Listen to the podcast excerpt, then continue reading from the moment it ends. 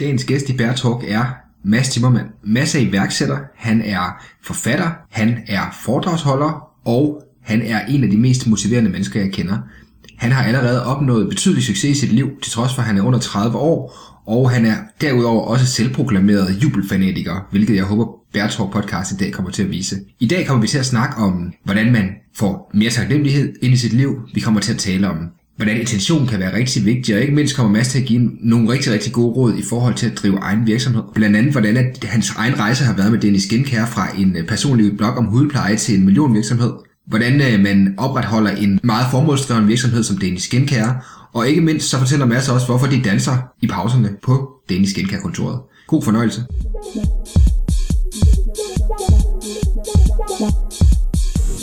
It's time to kick ass and chew bubble gum. Yes, we, we would like to, um, to have a meet you with a tower.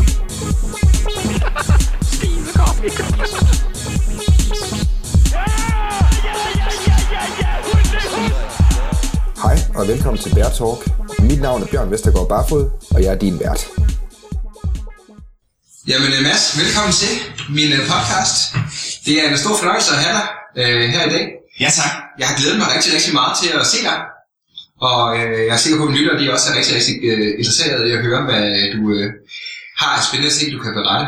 Ja, det håber jeg, jeg har. Det var, det var meget stort at love det, når jeg ikke aner, hvad spørgsmål det er, du skal stille mig, men jeg glæder mig. Det er det, der giver spænding i podcasten. Ja, det. Mads, øh, det første spørgsmål, jeg godt kunne tænke mig at stille dig, det er, sidste gang vi to så hinanden, der øh, havde du jo øh, en scene med 200 kvinder, mest kvinder, Ja. øh, med tårer trille ned af kinderne på den gode måde. Øh, vil du fortælle mig den historie, og fortælle, hvad gjorde du dog for, at øh, det skete? ja, det er jo altid, det er jo altid øh, fantastisk at starte med, øh, med spørgsmålet, spørgsmål, der handler om, at man har fået en masse kvinder til at græde. Især når man som mig er i skønhedsbranchen, og tror på, at verdens bedste skønhedstræk er et kæmpe smil. Altså man kan sige, jeg tror, det jeg ved, du snakker om, det er selvfølgelig vores øh, awesome event, som vi havde med 200, faktisk 250 kvinder. eller, du sagde også næsten kvinder, for der var 10 mænd. Jeg ved ikke, om øh, de var blevet trukket med af kæresten, eller de har set på øh, websitet, og en, en, en kvindeven for 200 kvinder, jeg skal med. Øhm, så der var lidt med, men det var en kvindeven, awesome event, som øh, var mit mål til at lave en forskel i skønhedsbranchen. Fordi jeg synes, alle de her dameblade og kvindemagasiner, det handler om hudpleje, hvilket jeg selvfølgelig arbejder med og sælger i Danish Skincare. Så handler det om øh, kostråd, hvordan kan du træne dig smukkere og spise smukkere, og så selvfølgelig, som jeg siger, træning. De tre ting hører vi om hele tiden, eller kvinder især. Men jeg synes, der mangler den ting, som jeg personligt er, har mega stor interesse i, altså tankerne. Fordi vi kender alle sammen en anden, der kommer ind i rummet og vejer 30 kilo for meget, har bumser i hele hovedet eller rynker, men hun danser bare ind og er den lækreste person og har en fantastisk udstråling. Eller omvendt så kender vi en, der måske vejer det perfekte, øh, ser perfekt ud, har ikke en bums, ikke en rynke, og hun har det bare dårligt med sig selv.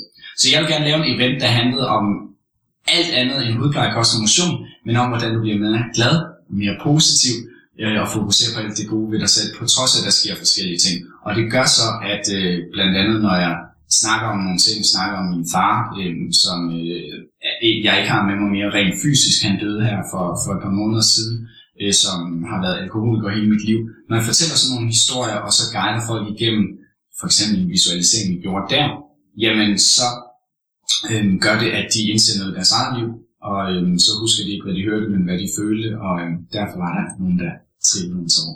Du siger nogle rigtig, rigtig interessante øh, pointer her, øh, synes jeg, og, og en af de spørgsmål, jeg får lyst til at stille som, som opfølgende på det, kan man sige, det er det her med, jamen, når det er sådan, at, at, at man fortæller de her historier, så forbinder man sig selv med sit publikum, kan man sige, eller med mennesker på en meget dybere plan, end man, end man gør, du ved, ved at så servere øh, almindelige fakta og så videre. Hvad er det, du tror, der gør storytelling så enormt interessant, og, og så stærkt også til at, at ændre menneskelig adfærd, hvis man kan sige det? Ja, øh, det som, det som øh, i grund til, at jeg godt kan lide at bruge historier, når jeg kommunikerer også i vores markedsføring, bruger jeg også historier, altså helt den skincare bygget op om min historie med, at jeg havde bumser og uren hud, og havde det rigtig dårligt med mig selv. Det er fordi, når vi begynder at fortælle historier historie til nogle lyttere, så distancerer lytterne og sig en lille smule øh, fra øh, det, jeg skal sige. Og i stedet for, hvis jeg begynder at fortælle om min far, der var alkoholiker, eller jeg der var, havde problemer, eller siger med min fars hånd, så sidder du ikke, eller lytterne sidder ikke og tænker på min far, men de sidder og tænker på deres far. Og det er derfor, historier er så gode til, når man kommunikerer, eller i al kommunikation har jeg opdaget, at jamen, det, det connecter folk på en anden måde, fordi at det er ikke bare en fakta, de hører, det er noget, der får dem til at føle, og følelser sætter sig meget bedre i kroppen. Både gode og også de dårlige følelser. Det øh, giver jo rigtig, rigtig god mening. Øhm, en af de ting, som jeg også bemærkede, da vi sad øh, ude på dit øh, fantastiske år som event for øvrigt, var jo øh, din øh, taknemmelighedsøvelse. Øh, og generelt set er du jo, jeg kender dig jo som en jubelfanatiker, og som en rigtig, rigtig glad og positiv menneske, men jeg ved også, at taknemmelighed er noget af det, du bruger rigtig, rigtig meget i dit eget liv.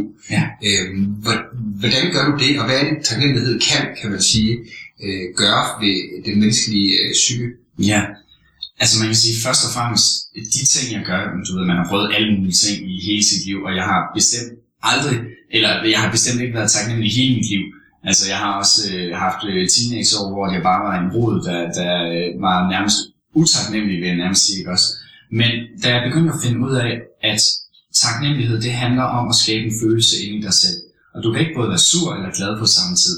Du kan ikke både være ked af det og glad på samme tid. Du kan ikke både være, øh, have en dårlig følelse og en god lykkelighedsfølelse. Og taknemmelighed er sådan en simpel ting, vi alle sammen kan, og i mit, øh, som jeg fortæller om på events og i min bog osv., også vi bør gøre. Fordi det er simpelt at spørge dig selv om, hey, hvad kan du være taknemmelig for lige nu? For der er altid en masse ting omkring os, vi ikke er særlig glade for, vi ville ønske ikke var, var der, men der er lige så mange ting, hvis ikke flere, som vi kan vælge at være taknemmelige for. Så det er et valg, øhm, og man kan sige, heldigvis ved vi så også fra, øh, fra positiv psykologiforskning og alt sådan noget, altså at det er faktisk en af de meget, meget aktive ting, der kan få folk meget hurtigt væk fra en dårlig energi, dårlig stadie i dem selv, dårlig følelse til noget helt andet. Og det er derfor, jeg godt kan lide at have brugt i mine foredrag og så videre. Jeg er også enormt stærk, og man kan virkelig mærke, hvordan at man publikum connecter rigtig, rigtig meget med, med den følelse, og, og det virker næsten til nogle af dem, man ser, de, de egentlig så det var klar over, hvor, hvor stærk en følelse var på dem. Øh, Ja. Kun tale fra egen erfaring, og jeg har også prøvet på blandt andet Tony Robbins øh, på hans events, hvor at, at det er jo sindssygt stærk følelse. Øh, men altså, jeg, jeg får lyst til at spørge dig om, kan man sige, at i hverdagens, eller så- lad os kalde det hverdagsmonstre, eller hverdagens trumrum, kan man sige, kan man sagtens have en tendens til en gang imellem måske at blive fanget lidt i sit eget hamsterhjul og, og, og glemme den her taknemmelighed. Hvad, hvilke vaner øh, og rutiner har du, du gør sådan relativt regelmæssigt, der gør, at du øh, kontinuerligt bliver ved med at være så taknemmelig og, og lykkelig, som du er, kan man sige? Ja, øh, i bund og grund, Bjørn, du, du øh, rigtig godt spørgsmål først og fremmest, og du siger meget af det selv. Du siger, hvilke vaner og rutiner er det? Fordi jeg gør meget ud, i, øh, ud af, at det skal ikke bare være en flyvsk ting, når det er sådan noget mindset noget. Det gør jeg heller ikke med hudpleje osv. Altså det skal være håndgribeligt og konkret. Og derfor handler det om at sige, okay, taknemmelig. Jamen jeg skal bare gå og være taknemmelig, men sandheden er, øh, det, det er jo ikke bare noget, vi går og gør, medmindre det virkelig er en vane, du ved. Altså det tog også lang tid for os at lære at gå, og det øvede vi rigtig, rigtig lang tid, før vi lærte at gå. Øhm, så mange af de ting, jeg blandt andet gør, det er, at jeg ved hver morgen, når jeg går i bad, så spørger jeg mig selv om ud under bruseren og siger, hey, hvad kan jeg være taknemmelig for i dag? Og så skal jeg finde tre ting og sige, hvad jeg er taknemmelig for, og hvorfor jeg er det. Øhm, og så har jeg andre ting, så har jeg i løbet af dagen, der får jeg en påmindelse på min telefon, der, der spørger mig om, hey Mads, øh, eventuelt hvad kan du være taknemmelig for, hvilken person i dit liv kan du skrive en sød besked til lige nu, og fortælle personen, du er taknemmelig for det. Øhm, og så hver aften igen, der spørger jeg mig selv om, hvad, hvad var du taknemmelig for, der skete i dag. Øhm, og det vil jo sige, det er jo egentlig en vane, jeg har lavet med nogle små regler, der gør det. Altså, vi, er- og jeg synes altid, det er sjovt det der med, at jamen, alle står op og børster tænder. De, de fleste gør, det håber jeg i hvert fald, de fleste de gør. Formodentlig. og, og, og, gør, kan nu sidder jeg tæt på dig her i forhold til det her podcast, Bjørn, så du har børstet tænder, det er dejligt. øhm, man kan sige, øhm, men det er jo blevet en simpel vane at børste tænder. Hvorfor er det ikke også, at det første du gør, når du åbner øjnene, i stedet for at tage din telefon og se, hvad øh, der er på Facebook, som du ikke kan styre og kontrollere, øhm, og få det ind i dit hoved, så start med at spørge dig selv om, så snart du åbner øjnene om morgenen, bare lige tænke, yes, jeg er i live, hvad er jeg egentlig taknemmelig for? Og, og for lige at skyde en, en, en, en kort øh, pointe til det, det var øh, min søde mor fra dejlige Nordjylland, hvor jeg er fra, hun sagde til mig, at ja, ja, Mads, det, det er så fint med dig, alt det der med alle de øvelser til at blive glad og så videre. Det er jo så nemt for dig, fordi du har gjort det så mange gange i så mange år. Og så kigger jeg på min mor og sagde, mm, du siger jo svaret der, mor. Jeg har gjort det så mange gange og i så mange år. Og det er fordi, man træner det hver dag, at når der så sker noget lort, når at jeg finder ud af, at jeg er på vej til Miami øh, i flyveren, og min far han ligger for døden, og familien ikke får et døgn mere, så er det der, hvor jeg virkelig ved, okay, min taknemmelighed har virket på mig, for jeg er taknemmelig for alt det, jeg har nået at få ved min far, på, i stedet for at fokusere på alt det, som jeg måske ikke får i fremtiden. Og de får, det giver mig nødt til at spørge Mads i forhold til det her, fordi det er jo super, super stærkt pointe, det her lige præcis med, at, at jamen, store resultater og, og gode vaner og gode rutiner, kan man sige, de kommer ikke af sig selv, de kommer af den her, ligesom når man træner muskler, man bliver ved med at ramme muskler, på et eller andet tidspunkt, så sidder den fast, og så bliver den større, kan man sige. Ikke?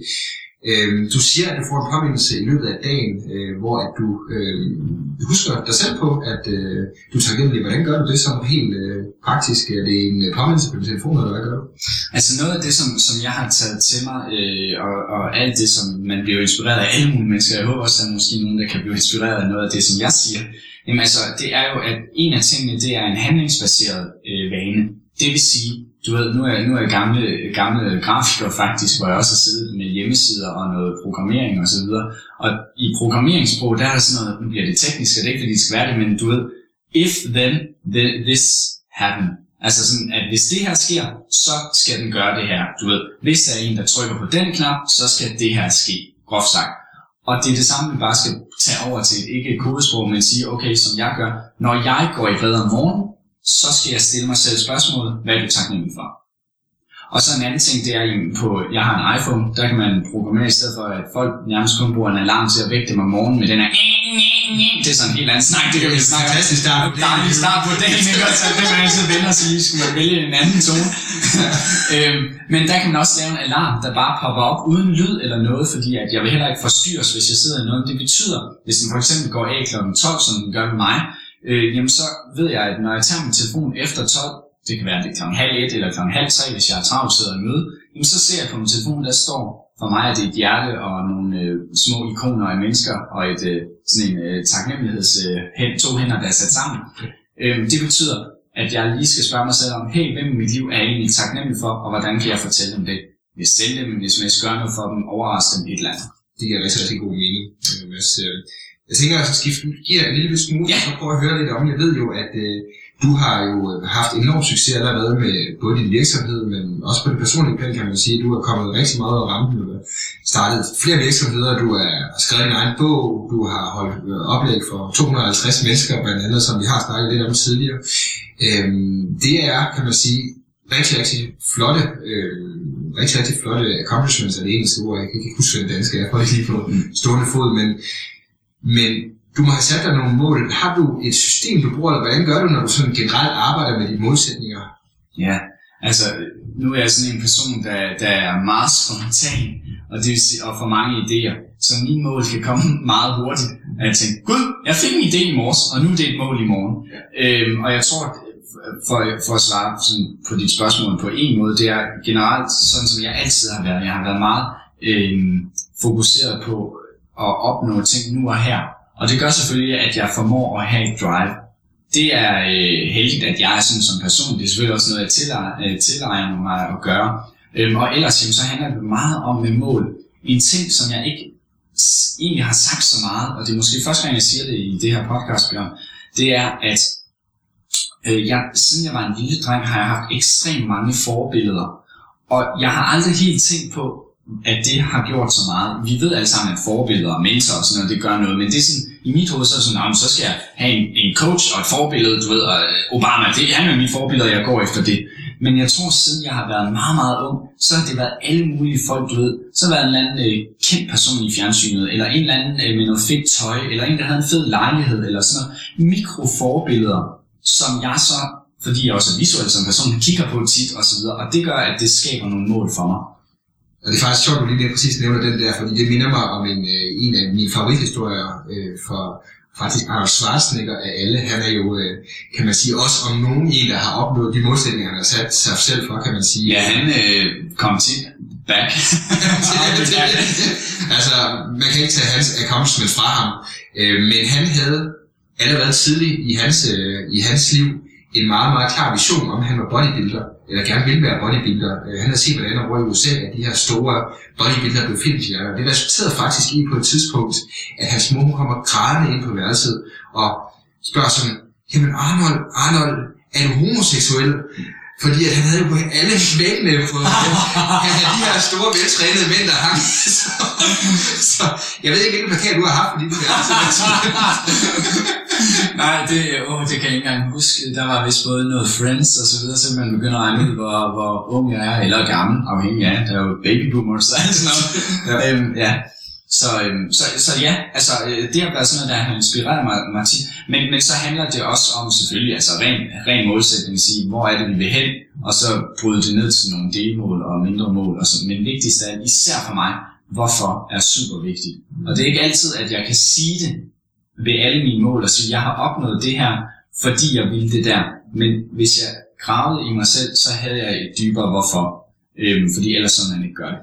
Har du nogle, nogle vaner, der, øh, hvor at du, hvad kan man sige, finder hvorfor i din, øh, i din mål, kan man sige. Det har du en rutine, du gør det, øh, gør det med, kan man sige. Ja, jeg har nogle ting, at jeg igen, jeg bruger tit igen, når det her sker, så skal der ske noget andet for at komme tilbage til den.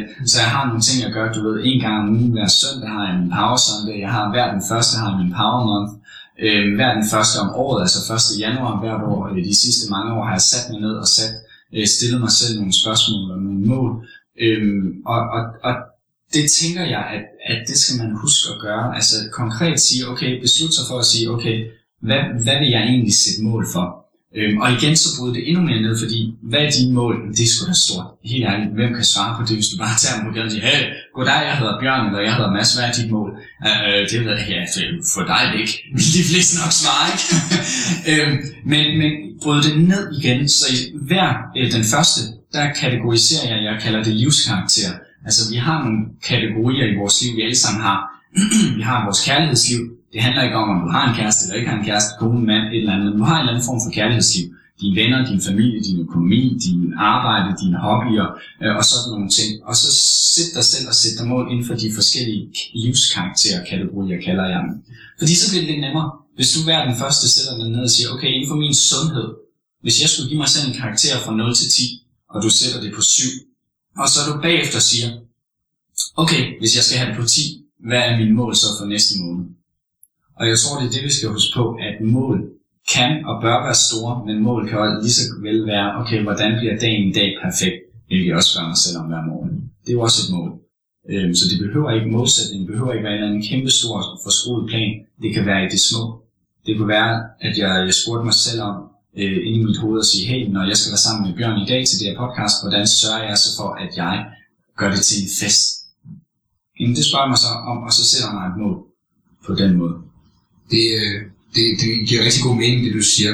Øh, det her med at så sørge for, både som du siger, du har din Power Sunday. Det kan måske være, at vi skal forklare for vores lyttere, hvad, hvad Ja. Power Sunday indebærer, kan man sige. Ja, jamen øh, det er noget, jeg faktisk har gjort længe, og øh, det er blevet en ekstrem vane for mig, som, øh, som jeg ikke kan lægge fra mig. Det vil sige, hver søndag, hver uge, sjovt nok, der er en søndag om ugen, der øh, sætter jeg mig ned, det tager cirka en time, øh, og sidder med en kop te generelt, og så har jeg min computer foran mig, og så har jeg simpelthen en tjekliste. Lidt ligesom du ved piloter, når de skal lande. Øh, nu har jeg prøvet at sidde ude i cockpittet nogle gange i nogle af de store flyver, hvor vi har landet i Paris og Dubai og København og noget. Øh, og være så privilegeret at prøve det. Og der sidder de jo med de her checklister. Det er det samme, de gør hver gang de lander, men de kører lige checklisten igennem. Og det er egentlig det samme, jeg har med min Power Sunday. Jeg har en checkliste. Det vil sige, jeg starter med at se tre videoer, jeg ved, der giver mig god energi, der inspirerer mig. Øh, de fokuserer tit på noget taknemmelighed. Øh, Det er de samme videoer, jeg ser, og jeg ved, at jeg bliver glad, når jeg ser dem, og det re- genstarter, rebooter min øh, hjerne. Og derefter så stiller jeg mig selv nogle spørgsmål. Jamen sådan noget med, jamen okay, hvordan gik ugen, og øh, hvad kan du være glad for, og hvad kan du gøre endnu bedre, og sådan forskellige spørgsmål. Øhm, og det er egentlig det, der gør det. Det er rigtig, rigtig interessant. Mads. det, jeg er mest øh, opmærksom på, at du er rigtig dygtig til det, det her med at så stille spørgsmål, kan man sige. Du stiller rigtig, rigtig gode spørgsmål, og når du nævner din Power Sunday, så har du en masse spørgsmål, som, øh, som er rigtig, rigtig godt framet. Har du en, øh, hvordan er du kommet til den her evne med at stille, være så god til at stille spørgsmål, og hvordan bruger du det aktivt, kan man sige. Altså, som vi selv er klar over, det her med spørgsmål er enormt vigtigt. Mm. Øhm, så hvad gør du? Nej, jamen, jamen øh, tak, øh, tak Bjørn for, øh, for, for roserne selvfølgelig først og fremmest. Man kan sige, det, det, i forhold til at lære at det spørgsmål, det er jo så simpelt, at det kan vi alle sammen gøre. Jeg tror, i bund og grund, så handler det om at sige, okay, hvordan bliver jeg interesseret og lære en masse om andre mennesker? Det gør vi ikke ved at have svarene, det gør vi ved at stille spørgsmålene. Øhm, og så har jeg selvfølgelig læst en masse om, øh, om øh, personlig udvikling, coaching, øh, influence osv., øh, How to Win Friends and Influence People øh, af Dale Carnegie bør alle, øh, bør alle, synes jeg, læse. Det bør være noget, man læser i 7. klasse, hvordan man øh, lærer. Fordi det er sådan nogle basale ting. Det der med, at du kan aldrig vinde et, et, du kan aldrig vinde skænderi. Øh, og folk, de elsker at snakke om dem selv, så stil dem spørgsmål, få dem til at snakke om dem selv, så de elsker endnu mere. Øhm, og det gode ved det er, jeg synes, alt det her handler om, så længe man har intentionen øh, det rette sted, hvorfor det er, man gør det, så er det jo godt at gøre det. Så er der selvfølgelig nogen, der misbruger sådan nogle øh, teknikker og, i dårlige salgsøjne med og sådan noget. Ikke at jeg er heldigvis blevet udsat for det. Øhm, så ja, altså, øhm, det, det, det åbner op. Altså, så jeg, det er meget sjovere at stille spørgsmål, end at snakke om sig selv. Og tro mig, jeg elsker at snakke om mig selv. Men øh, det kan jeg så gøre på video og foredrag og så videre, så videre. så min, øh, min businesspartner i Dane Skincare siger, han plejer at sige, Nå, er det nu en af dem? Hokus pokus, massiv fokus. min kæreste også taget til, så hun synes også, den er sjov. Men sådan er det. det, det, det er jo fantastisk. Men altså, jeg kender dig som en øh, Jubi-fan, øh, og som en rigtig, rigtig glad og positiv person. Og det kunne jeg spørge rigtig, rigtig meget ind til. Men vi egentlig, i stedet for at øh, anbefale mine lyttere at tjekke øh, Fabiola Christensen, har lavet en rigtig, rigtig god podcast, hvor hun også interviewer dig omkring det. Jeg, tror, jeg vil godt prøve at så tage spørgsmålet i en lidt anden retning og sige, at du har faktisk måske endda åbnet lidt op for lidt tidligere i øh, vores øh, snak her. Øhm, men Mads, hvornår har du sidst haft en stor krise, øh, hvor du rigtig har været langt nede, og hvad gjorde du for at komme ud af det øh, mindset igen, kan man sige? Det er et rigtig godt spørgsmål. Øhm, og øh, til mig, der jeg godt kan lide at prøve at finde de rigtig lyse sider og stille spørgsmål, så siger min hjerne med det samme, hvad mener du egentlig med et, et stort krise, Bjørn? øh, men jeg kunne forestille mig, at du mener et eller andet, hvor at, at man ikke bare har hænderne over hovedet hele tiden. Man kan, man, man kan sige, at, at, at, at det der, jeg mener med spørgsmålet, er ja. Det her med, at, at, at du kan godt komme ud til en fed cykel, og så bliver du irriteret. Ja. Men så er du sådan, kan man sige igen, og man kan sige, du, vi har jo, kan man sige, vi ved godt, at fordi du er så glad, og du har trænet de muskler, som jeg snakkede om tidligere med taknemmelighed og de her ting, så er du bedre til at klare modgang, kan man sige, end Ja. nogen, der måske ikke er så vant til det. Ja. Men i forhold til dig, må der jo også komme nogle gange, hvor at du er udfordret Ja. På den muskel, hvis du kan følge Ja, ja, ja, absolut, absolut. Jamen, øh, man kan, altså man kan sige øh, faktisk øh, i dag, for det ikke engang skal være løgn, der øh, var jeg udfordret i, jeg tror, fire minutter, hvor at jeg nåede at have et voldsomt skænderi med min businesspartner Martin. I, øh, i ah, to minutter var det en dag, hvor vi lige røg i totterne på hinanden, og du ved, den kørte bare frem og tilbage øh, i to minutter med da, da, da, da, da, da, da, da, da, og dårlig energi. Og, så, altså, og der, så bliver det nogle af de ting, jeg gør, jamen det er, okay, for det første, det er at komme væk fra situationen. Fordi jeg tror, uanset om du er Tony Robbins, eller øh, Gud, eller øh, Mother Teresa, eller øh, øh, hvad hedder det, Dalai Lama, eller et eller andet, jeg tror noget af det nemmeste, i stedet for at prøve at ændre dit mindset, når du står i lort til halsen, eller prøve at blive mere glad, når at, øh, du nærmest smager lort i munden, jamen så vil jeg hellere sige, okay, det første du skal gøre, prøve at komme væk fra situationen. Det kan man så gøre på mange måder. Du kan fysisk gå væk, du kan trække dig ind i dig selv, hvis du sidder et sted og bliver rigtig irriteret på noget, og du kan ikke lige gå til, så kan du lukke øjnene og, og prøve at tænke på nogle andre ting. Så ryk dig væk fra situationen. Og så brug nogle af de der redskaber med, okay, hvordan, hvad gør mig glad? Det gør musik. Okay, jeg finder noget musik. Hvad er min intention med det her? Hvordan vil jeg gerne være, som jeg også snakker om i, i, øh, i mit, øh, i mit øh, smile, øh, som jeg underviser i til Awesome Event og så videre, det her med øh, de fem ting, vi kan gøre, og der er smile, S-M-I-L-E, hvor I det er øh, intention. Hvad er din intention for dig selv og for den her relation? Jamen, vil du være en, der står og råber og skriger foran din businesspartner, som der bruger tid og energi på noget sammen med dig? vil du stå og, som en eller anden knaldperle, når cyklen er punkteret og råbe og skrige af en eller anden øh, dum cykel, eller hvad? Så spørg dig selv om, okay, hey, på trods af situationen, på trods af de følelser, jeg har lige nu, hvordan vil den bedste udgave af mig lige nu reagere? Fordi nogle gange så tager vi også os selv for seriøst. Altså, at jeg er mega sur i det splitsekund, jamen, jeg kunne lige så vel ikke være mega sur. Så derfor kan jeg lige så vel hurtigere komme ud af det, hvis jeg ser mig selv lidt mere i helikopterperspektiv, og ser det som, okay, jamen det her det er jo bare en masse, der reagerer på noget. Okay, jeg trækker mig lige op. Hvordan vil den, en endnu bedre masse reagere? Okay, han måske lige sige, hey, Martin, undskyld, det var ikke det, jeg mente, da jeg sagde det der. Jeg er ked af, at vi lige fløj flint på hinanden. Du ved, et eller andet. Øhm, så, så det er sådan to ting, øhm, som jeg gør blandt andre mange ting, man kan sige. Men, men jeg tror sådan, konkretisere det, det er i hvert fald to ting. to meget konkrete ting, kan man sige. Og jeg synes, det er rigtig, rigtig godt cue, du siger i forhold til, at mange mennesker tager sig selv for seriøst. Øh, Ja. har, har du, øh, hvad, hvordan lyder din, hvad kan man sige, self-talk, hvis det er, at du oplever, at du pludselig måske tager dig selv for seriøst i en situation, Ja. og du er nødt til at, at afkoble dig fra, Ja. fra, fra, fra den følelse, hvis man kan sige det. Ja, jeg har et, øh, jeg kalder det mit mantra. Det er det første, jeg siger til mig selv inde i mit hoved, når jeg vågner om morgenen. Og, og jeg har faktisk gjort det i mange, mange år. Det er, at inde i mit hoved, så siger jeg til mig selv, som det første, life is beautiful, fun is all around, the most important thing is love. Og det siger til mig selv i en situation, så når jeg lige at køre igennem mit hoved, okay, life is beautiful, okay, der er mange fantastiske ting omkring mig. Det betyder, at jeg framer mig selv til, hey, der er en masse ting, selvom det går godt.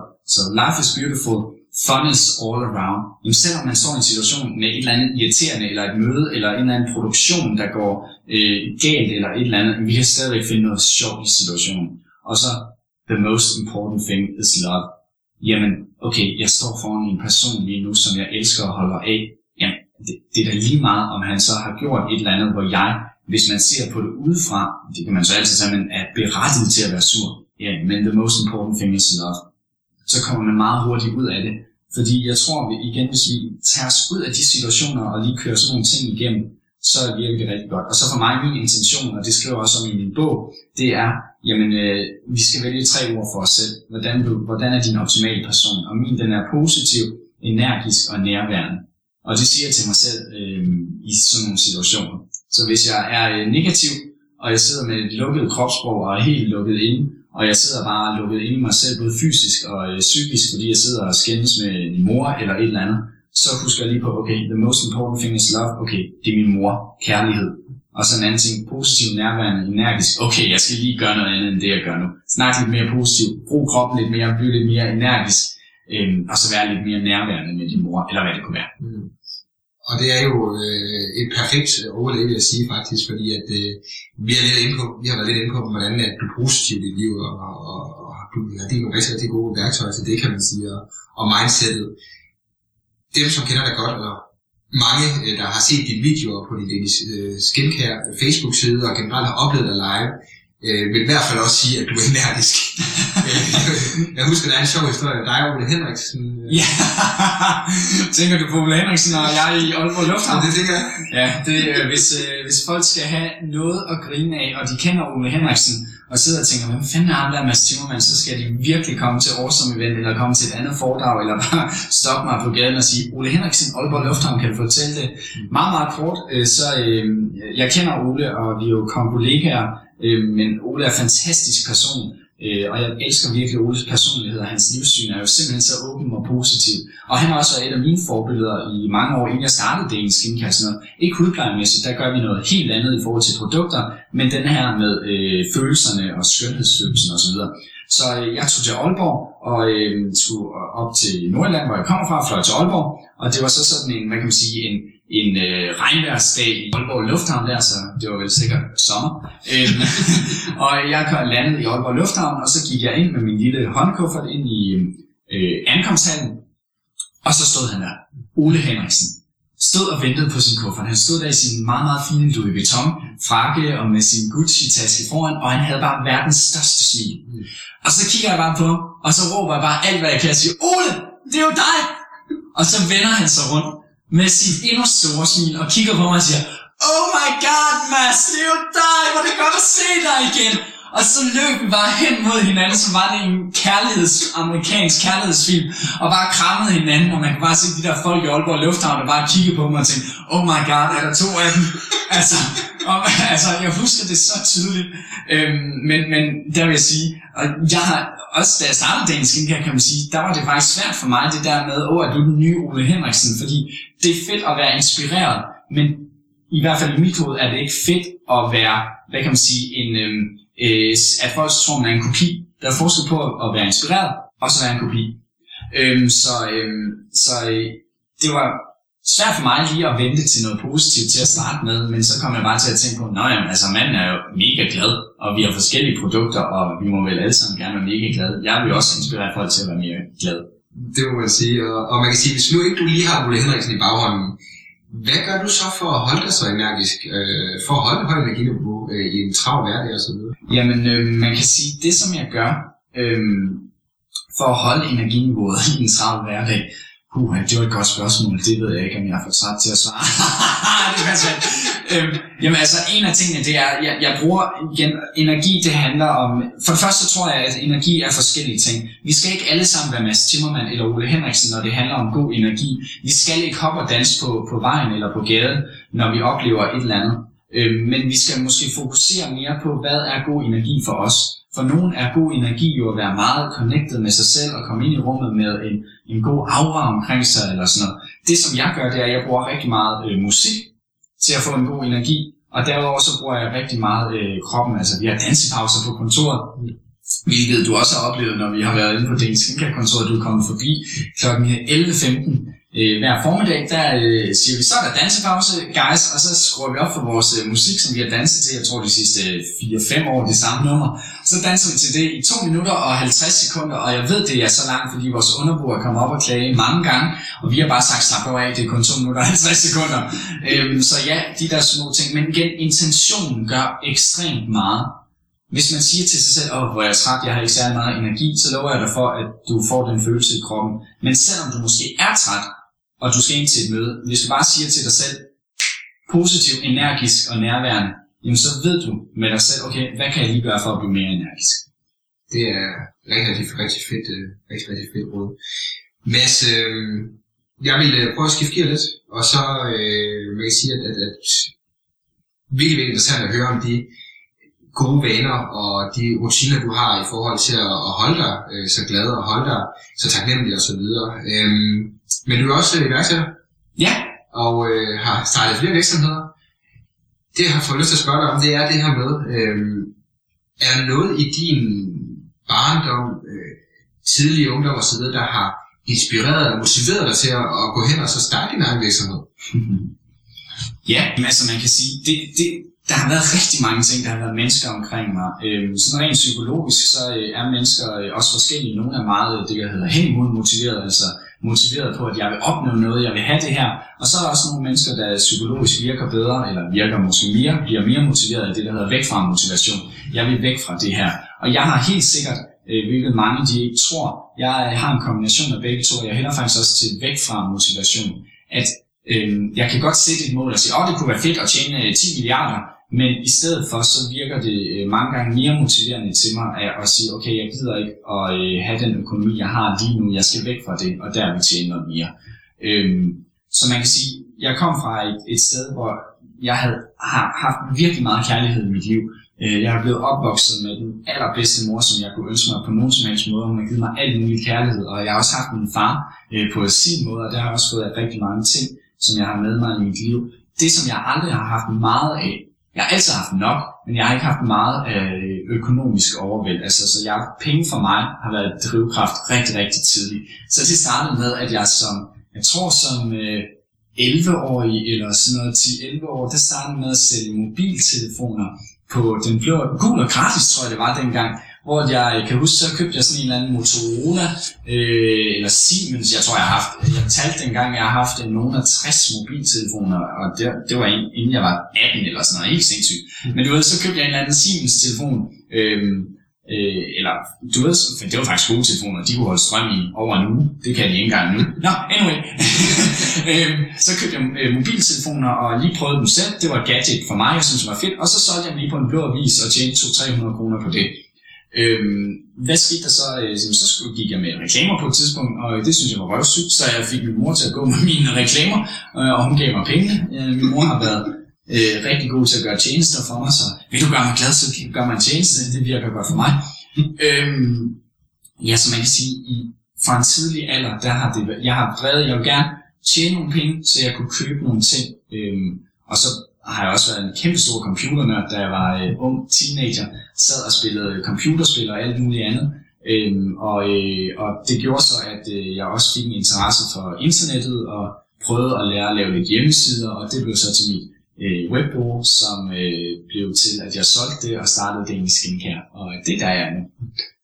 Og det må man sige, det er noget, der rejser på fra at have mor til at gå med aviser til at, at drive den forretning, som Danish Skincare er i dag. Ja. Mads, øh, fortæl mig om det øjeblik, hvor du besluttede dig for, at øh, det var Dennis Skincare, du ville øh, springe ud i som, hvad kan man sige, iværksætter, og du ved, i det hele taget, og, og starte et hudplejefirma. Hvad, hvad skete der, og, og hvad sagde du til dig selv i den situation, og hvad kan man sige, hvad er historien? Ja, øh, jamen historien er, at øh, og jeg tænker nogle gange på det, og tænker, hvor er det sjovt, at de valg, vi tager i dag, nu, altså vi igen vi kan have drømme og mål om alt muligt, vi vil, men vi ved aldrig helt, hvor, hvordan rejsen bliver overhovedet, øh, eller hvordan målet bliver, og det er så også derfor, jeg altid fokuserer på, også i min virksomhed, at stort set alt, jeg laver, det er rejsen, det handler om. Det ved jeg godt er en kliché, og mange siger det, men jeg prøver virkelig at gøre det til, at det er rejsen, der skal være en fest. Øh, måske er det også derfor, vi danser på kontoret hver dag og så videre. øh, men for at svare på dit spørgsmål, Bjørn, så øh, jeg var i øh, en tur i Thailand med en af mine kammerater, øh, og øh, det var min første gang i Thailand. Det var første gang, jeg havde rejst så meget. Jeg havde mit webbureau, jeg havde et lille kontor inde på Vestergade, inde ved siden af Studiestrædet, inde øh, midt i København. Der havde jeg et øh, lille kontorfællesskab, hvor jeg sad med nogle andre webfolk, og vi sad og nørdede, og jeg sad og lavede hjemmesider, jeg var til møder ude i Netto, og øh, jeg kan huske, jeg tror, jeg var, det jeg ved ikke, hvad jeg var 17-18 år eller sådan noget, og skulle til møde ude ved Netto om deres nye hjemmeside. Der ringede jeg lige til min veninde Lene på 45 og sagde, gider du komme med og lege ansat, for ellers tror jeg ikke, de tror på mig. øhm, nogle gange skal du fake it til you make it. Øhm, nå, men øh, jeg tog til Thailand, og der øh, læste jeg øh, bøger om hudpleje og skønhed og så videre. Og jeg mødte de her mennesker i Thailand, der havde ingenting, Bjørn. Hvis man kigger på det rent fysisk. Altså, de havde jo ingenting. Men noget de havde, de havde en vild udstråling og det største smil. De havde glæden og lykken. Og der tænkte jeg, okay, hvis jeg med min viden inden for marketing kan tage noget, der er en personlig øh, struggle for mig, et personligt problem. Jeg havde rigtig mange hudproblemer, rigtig mange bumser, og havde det virkelig dårligt med min øh, eget selvværd på grund af det. Hvis jeg nu kunne finde ud af, hvad der virker med hudpleje, og jeg så kunne markedsføre det på den her positive måde, den glade måde, fokusere på at få folk til at blive endnu mere glade, jamen, hvad nu hvis det endte med at blive et hudplejefirma, der ikke er som alle de andre? Så det var faktisk det, der startede øh, Danish Skincare. Så jeg kom hjem, og så øh, solgte jeg faktisk mit øh, webbureau inden for tre uger, tror jeg det var, der havde jeg fra et andet havde jeg solgt mit webbureau. Og, øh, og øh, så stod, tog jeg en uddannelse inden for hudterapi og så videre, så videre. det viser virkelig øh, den commitment, der er i det, og så og, og jeg har snakket med flere succesfulde iværksættere også, der siger det samme, det her med, at, at når man ser, hvor, hvor, hvor lidt andre folkeslag har, og hvor meget vi egentlig selv har, det, det, det, giver, noget, det, det giver noget perspektiv i ens eget liv, kan man sige, som man måske ikke rigtig får, hvis man bare holder sig inden for sin egen andedam, så at sige. Ja, Øhm, absolut. Mads, øh, er det en 6, 6 år eller sådan noget, du har været i gang med det i skincare nu? Ja, det er man kan sige, at hvis du nu skulle gå tilbage, og så tage fat i Mads Timmermann, der øh, skal til at starte en skincare nu her, eller for den sags skyld starte øh, sit eget webbureau, kan man sige. Men du skulle have den viden, du havde nu, og så gå tilbage og snakke med Mads for 6 år siden, eller for 10 år siden, eller hvordan. Og øh, give ham tre rigtig, rigtig gode råd, eller de tre bedste råd, du kan komme op med, til øh, at sikre, at han får succes i øh, sin forretning, succes i sit liv, hvad vil det så være for nogle øh, råd, du, øh, du vil give ham? Vildt godt spørgsmål. Det har jeg aldrig fået før, og hvor er det godt. Det bør, øh, det bør man spørge sig selv om. Det er faktisk et rigtig godt spørgsmål. man bør også spørge sig selv om det i forhold til alle mulige andre ting i sit liv, med ens kærlighedsliv osv. Men hvad vil jeg give af råd? Et af de råd, jeg vil give, det var, bliv ved med at tro på dig selv. Det, det vil være en af de ting, fordi uanset hvad du laver i dit liv, uanset hvordan øh, din virksomhed kommer, så kommer der altid situationer, hvor du kan vælge at lukke ned. Lidt ligesom når folk de starter en træning. De har et mål, de har et drive 1. januar, de vil tabe sig, de vil blive strandlægger, eller hvad det er. De har, de har et eller andet, de vil. Så møder de den første udfordring, og det er at rejse sig fra sofaen, eller hvad det kunne være, og så giver de op. Så jeg tror, hvis man fokuserer på, bliv ved med at tro på dig selv, det skal nok lykkes. Hvis man virkelig tror på det, jamen så, så er der jo ikke noget, der kan stoppe en, fordi så er det bare små punkt på vejen. Så det er det ene råd, jeg vil give. Det andet råd, jeg vil give, det er, lær nyt hele tiden. Du ved, du kommer aldrig til at vide alt. Den bedste måde, du kan øh, blive endnu bedre i alt, hvad du gør, det er at lære fra andre mennesker, lære fra bøger, øh, podcast, øh, bear talk, eller hvad det kunne være. Øh, lær alle mulige øh, ting, få, det, få nye ting ind i dit hoved, afprøve nye ting. Man skal ikke være så bange for at prøve nye ting af, men det der man skal være bange for, det er, er ikke at lære nye ting. Gud, Det var egentlig, hvad hedder sådan et, et uh, quotable. Ja, det er næsten, være- øh, jeg ser det næsten på Facebook som Ja, en code allerede. ja, jeg tænker også, at vi skal lige sige det igen, og hashtag med Timmerman og copyright og hvad det der skal være. Du skal ikke være bange for nye ting, men du skal være bange for ikke at lære noget nyt. Det er faktisk godt. Det er, små, det er et rigtig godt punkt. Mads. det er det altså. Ja, det vil jeg sige. øhm, så, så det var mit råd nummer to. Og så øh, tror jeg, og så, eller så ved jeg, at råd nummer tre, det er husk at gøre rejsen sjov. Øhm, så, så man kan sige, i bund og grund, så er det jo meget, øh, øh, man kan sige, øh, overbevisninger og mindset-ting. Men øh, hvad jeg tror på, det er altså, at 80% af succes, det handler om dit mindset. Øhm, så du, kan, du kan altid lære, hvordan du klipper en video, eller hvordan du lærer Facebook-ad, eller det næste nye marketing-værktøj, der kommer om et halvt år, eller tre år, eller et eller andet. Det kan vi alle sammen lære. Men bare du har de mindset-ting, så, øhm, så er du virkelig godt på vej. Ja. Sindssygt fedt ord, Mads. Det er, det er virkelig, virkelig fedt. Man kan sige, at, at, at jeg synes, du, du, du griber fat i noget, som er rigtig, rigtig interessant her, hvor du siger, jamen, tro på dig selv. Fordi at vi ved godt, at som iværksætter, der kan det være en kamp op ad bakke, ikke? Og man kan sige, at du har gået ind i en branche, som, hvor at det er øh, ikke Davids kamp mod Goliath, men det er Masses kamp mod øh, Loyal eller et eller andet, ikke? Jo. Hvordan finder man styrken til at blive ved øh, med at tro på sig selv og på sin virksomhed, øh, selv når det kan virke svært? Jeg går ud fra, at der har været masser af tidspunkter i Danish her, hvor at det har været rigtig, rigtig svært for dig at, at få hul igennem, kan man sige. Ja, absolut. Øh, det, der kom til mig med det samme, det var at, at fokusere på, hvorfor er det, du gør det. Altså, og især i min virksomhed, hvem er det, jeg hjælper, og hvad får de ud af det. Fordi hvis jeg begynder at fokusere på for meget, selvfølgelig skal man gøre det som, som en virksomhedsejer og leder, og se alt fra helikopterperspektiv, og have styr på sine tal, og alt det der. Men hvis jeg fokuserer for meget på, åh oh, nej, nu har jeg spildt øh, nogle penge på øh, en annonce, der ikke virkede, eller et affiliate-program, der ikke virkede, så kan du meget hurtigt køre ned i en dårlig ting. Øh, men hvis man i stedet siger, at nu er det her sådan som det er, men hvad er det egentlig, vi er i virksomhed for? Altså, i verden for. I Dagens Skincare, der er vi i verden for, fordi vi tror på, at et fantastisk liv er et lykkeligt og positivt liv, og vi vil inspirere enhver person i verden til et liv, der er fuld af sjov, glæde og lykke. Øhm, og det vil vi gøre ved at øh, lave nogle fantastiske hudplejeprodukter, der virker, og så lave en positiv forskel i skønhedsbranchen. Og hvis vi husker på det, og hvad det er folk de får, jamen, så bliver det meget nemmere at komme over de her bump, der kommer hele tiden. Øhm, for de er velkommen. Det, øh, det vil de. Det andet råd, du også øh, nævner, Mads, det er det her med, øh, at man skal hele tiden blive ved med, man skal ikke være bange for at prøve nye ting, men man skal faktisk være bange for ikke at prøve nye ting, kan Ja. man sige. Og det er igen din pose, og Ja. stærk pose. Øhm, man kan sige, at der er selvfølgelig rigtig, rigtig mange forskellige måder, man kan lære nye ting på. Hvad synes du selv har været de øh, måder, eller metoder, eller steder, eller mennesker, øh, der har lært dig mest nyt? Øh, man kan sige, at vi ved alle sammen, at jamen, du tror selv på 80-20-reglen, det gør jeg også, at 20% af det, du gør, det giver dig 80% af resultaterne. Mm. Hvis du skulle sige det i forhold eller den anden 20% regel, den der med, at hvis der er en plade chokolade, så sørger jeg altid for at spise 80% først. Nå, nej, sorry, det var lige et jump in der. Det var lille jump in, men det er fantastisk øh, jump in, Mads.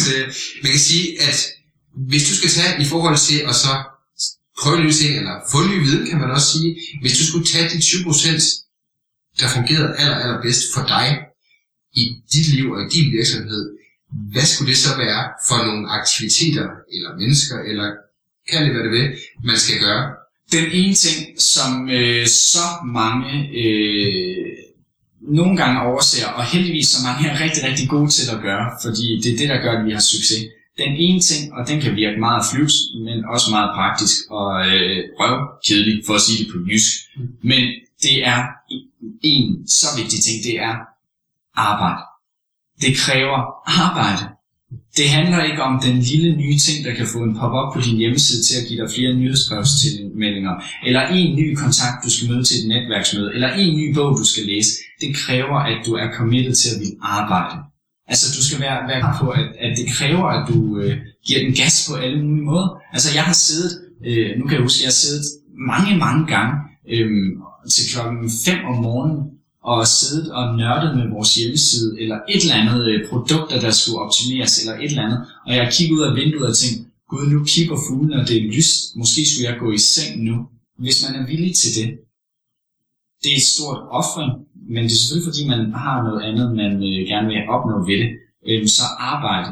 Altså, det, det, det tror jeg er, er, er, er nærmest de 80 eller de 20 procent, øh, som gør det meste, hvis man kan sige det er, det kræver, at du giver den skal. Der er ikke noget, der bare kommer. Altså, jeg har ikke læst nogen af dem, alle dem, der har inspireret mig, på alle mulige plan, uanset om det er et fantastisk parforhold, om det er en virksomhed, om det er et fantastisk venskab, om det er en fantastisk krop, om det er øh, økonomi, eller hvad det kunne være. Men der er ikke noget, der bare kommer ved, at du tager en beslutning og tager, at ah, det gør jeg lige, og så gør du to ting. Det kræver, at du arbejder, arbejder, arbejder, arbejder. Så, øhm, så, så sådan meget konkret, det er en af de ting, jeg vil sige, det er arbejde. Og så lær nye ting. Og der er det forskelligt, hvad der virker for folk. Nogen- For nogle virker det at gå til seminarer. Jeg har været til mange seminarer, foredrag, synes det er super fedt, inspirerende. Øhm, bøger har jeg læst rigtig mange af. Lydbøger og øh, online kurser har jeg læst og set og hørt, hedder det jo nærmest endnu mere af, fordi at øhm, så føler jeg, at jeg kan gøre det hurtigt, og det er nemmere at trykke på en knap i, et, øh, i en lydbog og sige speed lige det her op til halvanden, halvanden øh, hvad hedder det, speed, så du kan høre det hurtigere, fordi at jeg læser ikke så hurtigt. Øhm, så, så igen, kom ind der til at sige, jamen, jeg skal lære noget nyt, og, og så handler det også om at øh, være åben for, at, øh, at der er vildt gode mennesker omkring dig, som øh, hvis du spørger rigtigt, og hvis du er committed nok, så siger de ja til, at de vil være med i din podcast. De siger ja til, at du må lave et interview med dem. De siger ja til, at de vil være øh, spokesperson for dit brand. De siger ja til, at de vil købe dit produkt. Hvis du bliver ved med at, øh, at, at, at satse på de rigtige mennesker, så skal det nok også lykkes. Det er sindssygt godt råd også igen. Både i forhold til det med arbejde, men selvfølgelig også at ikke være bange for at række ud. Øh, Det tror jeg, det er en af de største problemer, folk egentlig ofte har. Øh, Det er altså om hjælp. Ja.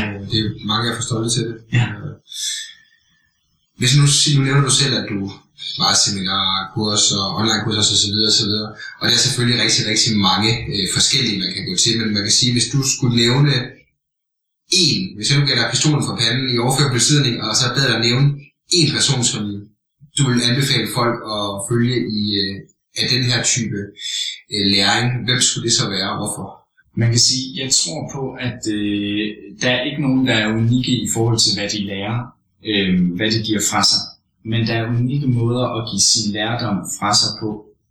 Øhm, så derfor kan jeg sagtens komme med nogen, der har inspireret mig, øh, som gør noget. Jeg skal nok nævne et navn for at svare på dit spørgsmål.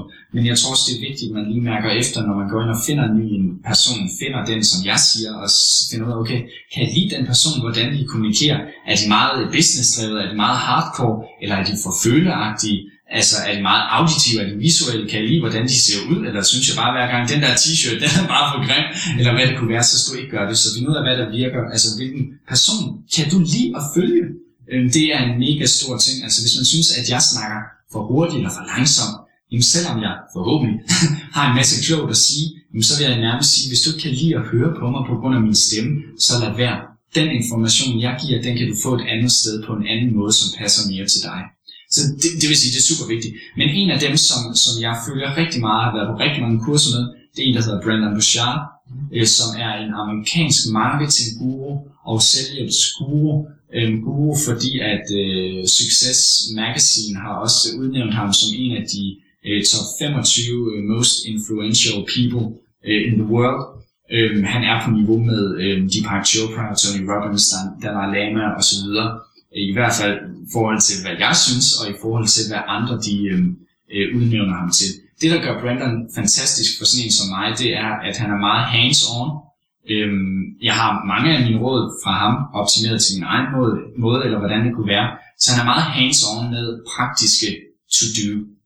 Øhm, og så er han også, øh, han har en fantastisk energi. Øh, jeg tror, at vi er sådan uh, brother from another mother, fordi os to på scenen ved siden af hinanden, det kan kun gå galt. Der kan man tænke, gud, er der tre af dem? øhm, øhm, og derudover så, øhm, så, øh, ja, så hans energi er fantastisk, men vigtigst af alt, for min virksomhed, som er i Danish Skincare, en contentbaseret virksomhed, vi giver en masse information, vi har sådan nogle produkter, der lærer han bare en masse god i forhold til, hvordan bliver du ekspert, hvordan er du ekspert, øh, og så videre, og så videre. Så en person får svar på de spørgsmål, Brendan Bouchard, øh, online marketing, selvudvikling, øh, blive en high performer, tjek ham ud. Jeg har øh, alle mine roser til ham på alle mulige måder. Brendan, han er en uh, inspirerende person, må man sige. Uh, Mads, du snakker lidt her om, kan man sige, at du, vi, vi kan godt mærke, at du er meget formålsdrevet, og det ligger du heller ikke skjult på, at, at hele Daily Skincare er jo bygget på en oplevelse, du havde, da du havde lige arbejdet på at rejse til Thailand og så videre, og, og, og så, hvordan at verdens største skønhedstrik er et stort smil. Ja. Hvad gør du konkret i øh, Daily Skincare? Øh, fordi når man, man kan sige, når jeg har besøgt jeres virksomhed, har jeg også kunne fornemme, at det er det der kulturen, man er meget opmærksom på kunderne, man er meget samler på gode historier, og folk, du ved, takker jer og så videre, for det er rigtig, rigtig store forskel, I har gjort i deres liv. Hvordan sikrer I at øh, det bliver i kulturen i jeres virksomhed, det her øh, større formål, I har i jeres virksomhed? Ja, vildt godt spørgsmål, øh, og det, måske skal, er det sådan et, jeg skal have på mine øh, månedlige øh, spørgsmål, øh, hvor jeg også spørger mig selv, jeg kan godt lide spørgsmål, også til mig selv, øh, hvordan kan vi blive ved med at holde den her energi? Jamen altså, en af de ting, det er blandt andet, jeg, jeg er selv stor del af, af virksomheden øh, stadigvæk, altså selvfølgelig er jeg det, men jeg mener på, du ved, på alle plan.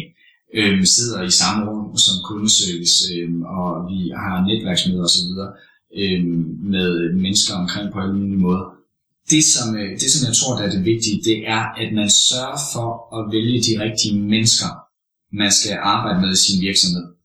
Øh, fordi hvis menneskerne har en energi, der er tæt på det, man gerne vil, hvis de er glade, hvis de er positive, hvis de folk, altså jeg gider ikke arbejde sammen med en videomand, som der står og, undskyld mit sprog, kæfter op, fordi at han har glemt at tage en lampe med, eller et eller andet. Det gider jeg ikke, fordi face it, det er bare en lampe. Altså, ja, det var da uprofessionelt, og du burde tage den med, men hvis jeg har en, der selvfølgelig professionelt siger, ved du hvad, ej, det var godt nok mega dårlig stil af mig, jeg har glemt den her lampe, vi skulle optage, men hans energi er bare mere end den skincare-energi, så er der meget større sandsynlighed for, at jeg vælger ham, og så kan det godt være, at han koster øh, 30% mere, men det, jeg ved, at det gør igen min rejse sjovere, og det er så meget mere fokuseret på. Og det vil sige, at vi har taget folk ind og arbejdet ved Danish Skincare, som vi har været glade for, øh, og uden at nævne nogle navne, øh, så har der også været folk, som vi har tænkt, okay, vi har fået noget, men du ved, øhm, vi har givet mere energi, end vi har fået. Øhm, og vi vil gerne give energi, det er ikke noget med det, men øhm, igen Smile, som øh, folk de skal komme og opleve, når jeg underviser i Smile øhm, på Awesome Event eller noget andet. Jamen, Smile E i Smile, S-M-I-L-E, E, det er energi. Og vi er så fokuseret på førstehåndsindtryk og first impressions osv., men vi glemmer altså bare tit, der er også noget, der hedder last impressions. Er du den, når du forlader rummet, der har givet energi, eller har du suget energi? Øhm, og det skal man spørge sig selv om. Øhm, ja. Det er et rigtig, rigtig godt spørgsmål, Mads. Jeg går øh, skifter gear lidt igen, mm. øh, og har øh, lidt, øh, lidt, lidt ekstra spørgsmål her, øh, som ikke nødvendigvis handler om virksomhed, men måske handler om lidt mere konkrete ting omkring dig. Øh, hvad er det bedste køb, du har gjort inden for det sidste år til 500 kroner eller derunder? Og hvorfor? det bedste køb, jeg har gjort Fedt, øh, godt spørgsmål. Det bedste kø- køb, jeg har gjort inden for det sidste år til 500 kroner eller derunder. Altså, jeg kommer ikke til at komme efter dig, hvis det er 600 kroner, men øh, you get the point. Ja, ja, ja. Øhm, jamen, øh, det, øh, det, jeg sad bare og tænkte, at det er for kliché at sige, det er det ikke. Det var, at jeg øh, købte to kopper kaffe på Starbucks øh, i sommer til øh, min daværende blind date, som nu er min kæreste, som jeg lige om lidt øh, kommer til at spendere endnu mere tid med. Det har været det bedste. Det var to kopper kaffe, men øh, det gør, at øh, jeg mødte en fantastisk pige, som jeg nu deler mit liv med, så det er det bedste, jeg har købt. Og det er et rigtig, rigtig godt svar, kan man sige. Så det er, køb en god kop kaffe til en blind date, og så kan man øh, se, hvor det ender henne. Ja, præcis. øh, du, man kan også give en øh, blind date en øh, gave, øh, kan man sige. Øh, og der vil jeg egentlig godt prøve at høre dig, Mads. Hvilken bog har du øh, givet mest i gave til andre? Og det kender jeg godt. Du kunne godt finde på at sige det egen. tæller min egen med, fordi det tror jeg faktisk, det er. så lad os lege, det ikke er din egen. Hvad, øh, hvad er det så? Jeg har min rigtig gode ven Søren Lønge, der også taler på Event, og hvis man ikke kender Søren, så skal man følge ham, fordi han er en skøn nordjyde, og han ligner en, der kan øh, kravle op i træ med tænderne, og det gør han sikkert også nogle gange. Men så er han bare så positiv og glad. Han siger nemlig, at han har et billede af sin egen bog inde i sin egen stue, så han kigger på sin egen bog hver dag. Det er nu ikke der, jeg er, fordi øh, øh, det, det har jeg ikke middag på i soveværelset. Nej. Jamen, den bog, jeg har givet mest, hmm, vildt godt spørgsmål. Øhm, hvilken bog har jeg givet mest? Jamen, jeg, jeg tror faktisk, øhm, jeg tror, jeg har en, en rigtig god ven, der hedder Mads Bo, der er juice-ekspert øh, og smoothie-pusher, kalder han sig. øh, highandlife.dk, Mads og jeg har været venner i rigtig mange år. Det startede med, at jeg så et foredrag med ham, og tænkte, han har en fed energi, og han ved noget om sundhed og juice og smoothies. Ham vil jeg gerne lære noget mere kende, og nu er vi blevet venner, øh, og har det rigtig godt sammen. Øh, og Masses, han har skrevet rigtig mange bøger, og hans bog om, øh, hvad hedder den, øh, øh, super simpel sundhed, eller high, high on juice nærmest, tror jeg, den har jeg givet til rigtig mange. Fordi deres, ja, når folk i mit liv gør noget godt, så elsker jeg at dele det. Øhm, og give det som gaver, fordi så føler jeg både hjælper dem, der giver gaver, og også dem, som skrev gave, hvis man kan sige. Øh, Så, så det tror jeg er sådan meget lavpraktisk, at øh, det er en af mine øh, venner, som har skrevet en fantastisk sundhedsbog, som jeg har givet til rigtig mange. Fedt, fedt at høre, Mads. Jeg har to spørgsmål tilbage til dig, Ja, og jeg glæder mig rigtig meget til at høre svaret på dem. Så meget som jeg glæder mig til at høre svaret på de andre spørgsmål. Hvis du havde en mulighed, Mads, øh, for at sende en sms-besked til alle mennesker i hele verden, altså din besked den kommer til alle mennesker i hele verden, og husk en sms-besked, så den må ikke være lang, hvad skulle øh, der så stå i den sms-besked? Det vil sige, nu er jeg jo fra tilbage, hvor, eller tilbage igen. Ej, det, enten så føler jeg mig gammel, eller også, hvis man begynder at sige sådan noget. Jeg kan huske, måske fordi jeg solgte så mange mobiltelefoner, jeg kan huske, at man sendte en sms, og den talte ned fra 160 tegn. Og når man så nåede, så tænker man, shit, når man så begynder vi med forkortelser og skriver D i stedet for DET og så videre. Ja. Vildt godt spørgsmål. Øhm, jeg vil skrive til folk, øhm, husk på, at verdens bedste skønhedstrik er et kæmpe smil. Øhm, fordi jeg tror på, uanset hvad branche du er i, uanset hvordan du har det med dig selv, taknemmelighed og så videre, et smil, alle mennesker i hele verden tror jeg på, når de ser et smil, så sender det positive øh, energier og vibes ud. Så hvorfor ikke være den, der sender positive energier og vibes ud, og husk på, at verdens bedste skønhedstrik, det er et kæmpe smil. Fantastisk, Mads. Det sidste, meget lette spørgsmål at svare på, måske videre bare helt øh, stille og roligt på, hvad er det bedste råd, du nogensinde har fået? det bedste råd, jeg nogensinde har fået. øhm, det er jo meget, meget nemt at svare på. Du skal bare lige gå lidt tilbage øh, Bare lige gå lidt tilbage og tænke, jeg har ikke fået så mange råd. Øh, kun hver dag. Jeg tror, lad mig lige prøve at se, om det er det, jeg mener. Jo, øhm, det bedste råd, jeg har fået, det er, øh, det er fra min mor, der sagde til mig, at øh, Mads, du skal altid have hjertet med. Og det var så simpelt. Øhm, og jeg tror på, hvis vi har hjertet med i det, vi gør, så bliver det sjovere. Du tager de rigtige valg. vi kommer alle sammen til at tage forkerte valg. Men så længe vi har hjertet med, så kan vi hurtigt føle, når det er de forkerte valg, og så kan vi ændre kurs. Så øh, min kære mor, hun får et, øh, et, et kærligt øh, tanke herfra, og øh, jeg husker på, at øh, da jeg lavede et interview med min mor og min far, hvilket jeg synes alle skal gøre, interviewe dem, som øh, du elsker at holde af, fordi nu hvor jeg ikke har min far mere, så øh, glæder jeg mig til, at øh, fars dag, som jeg har sat kryds i min kalender, der skal jeg sætte mig ned og høre det her øh, fire timers interview, lydfil, som jeg lavede med min far. Øh, jeg er spændt på, hvordan det bliver.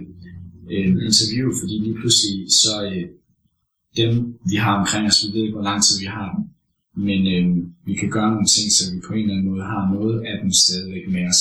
Og så skal vi huske på, at det handler ikke om at give folk en masse gaver og ting. Det handler om, at du kan være en gave for folk.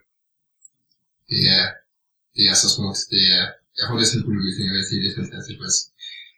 Øh, det har været så fedt og så fantastisk at høre øh, der dele ud af dine guldkorn og dine tanker og wow for en afslutning.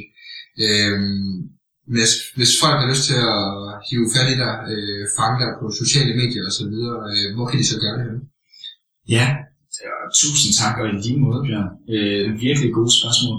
Øh, generelt så synes jeg, at folk bare skal gå ind på øh, daniskincare.dk øh, eller masglad.dk øh, Mads Timmermann.dk og øh, søg mit navn, Mads Timmermann, og det er med T-I-M-M-E-R-M-A-N-N. Det er hverken med Z eller D. Zimmermann, det ved jeg ikke, jeg er hverken tysk eller noget, men Timmermann. Søg mig der igen, min online virksomhed. Jeg har haft et webbureau, så søg på mit navn på Google, så øh, Mr. Gooks, så kommer han frem med øh, en masse om mig. Mads, tusind, tusind tak fordi, at, øh, at du er med i min podcast. Tusind tak, ja.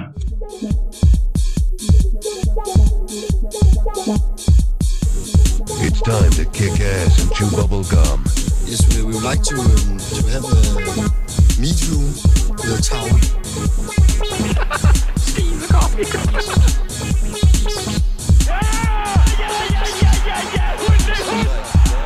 Hej og velkommen til Bear Talk.